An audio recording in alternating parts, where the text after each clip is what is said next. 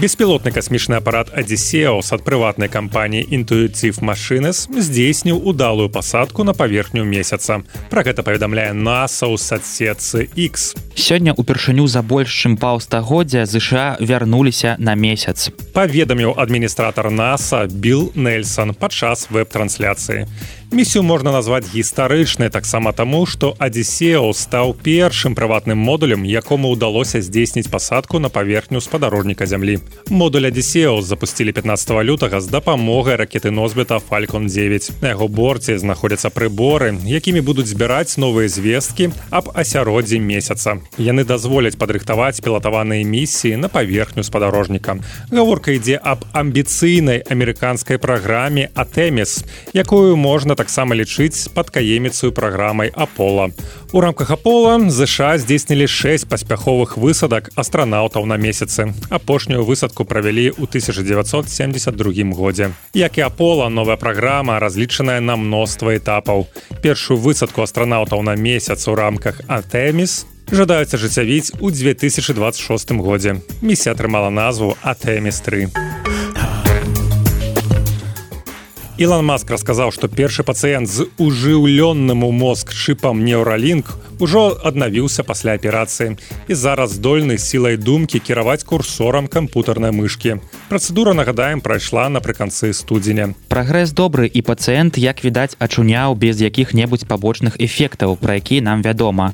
Пацыент можа перасоўваць мыш па экране, проста думаючы. Наступны этап клікі цытуе портал за independent маска. Па словах мільярдэра мужчына пакутуе на захворванне праз якое не можа рухаць канечнасцямі. А нейрачып неўралінк дазволіць яму і іншым пайсці на папраўку. У перспектывы ён дазволіць не толькі кіраваць электронікай але і вяртаць рух канечнасцям змагацца з дэпрэсіямі вяртаць слых і нават прымусіць мозг працаваць больш эфектыўна Неўролінк маска атрымаў дазвол на ўжыўленне нейрачыпаў людзям мінулым летам. Пасля таго, як выпрапаванне на малпах паказалі, што тэхналогія сапраўды працуе.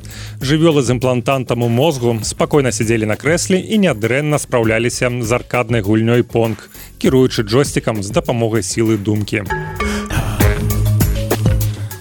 сабаку бобі які жыў у португаліі было 30 гадоў і 268 дзён калі ў лютым мінулого года кніга рэкордаў гінаса назвала яго самым старым сабакам у свеце. У кастрычніку 2023 года ён памёр у заяўленым узросце 31 год і 165 дзён. Але ў мінулым месяцам кніга рэкордаў гінаса пачало расследаванне ў дачыненні да партугальскага сабакі пасля таго як узніклі сумневы адносна яго рэальнага ўзросту. Расследаванне правялі нягледзячы на тое што нараджэнне відавочна відавочна было пацверджаная базай дадзеных хатніх жывёл партугальскага ўрада і нацыянальным саюзам ветэрынараў.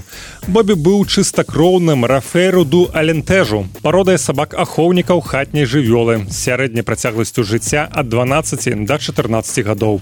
Калі Бобі быў прызначаны самым старым сабакам у свеце, ён пабіў рэкорд усаляваны з 1939 года аўстралійскім пастушыным сабакам, які памёр ва ўзросце 29 гадоў і 5 месяцаў. У кнігі рэкорд рэкордаў гінасам заявілі што ў іх няма пераканаўшых доказаў таго што бобі пражыў так доўга.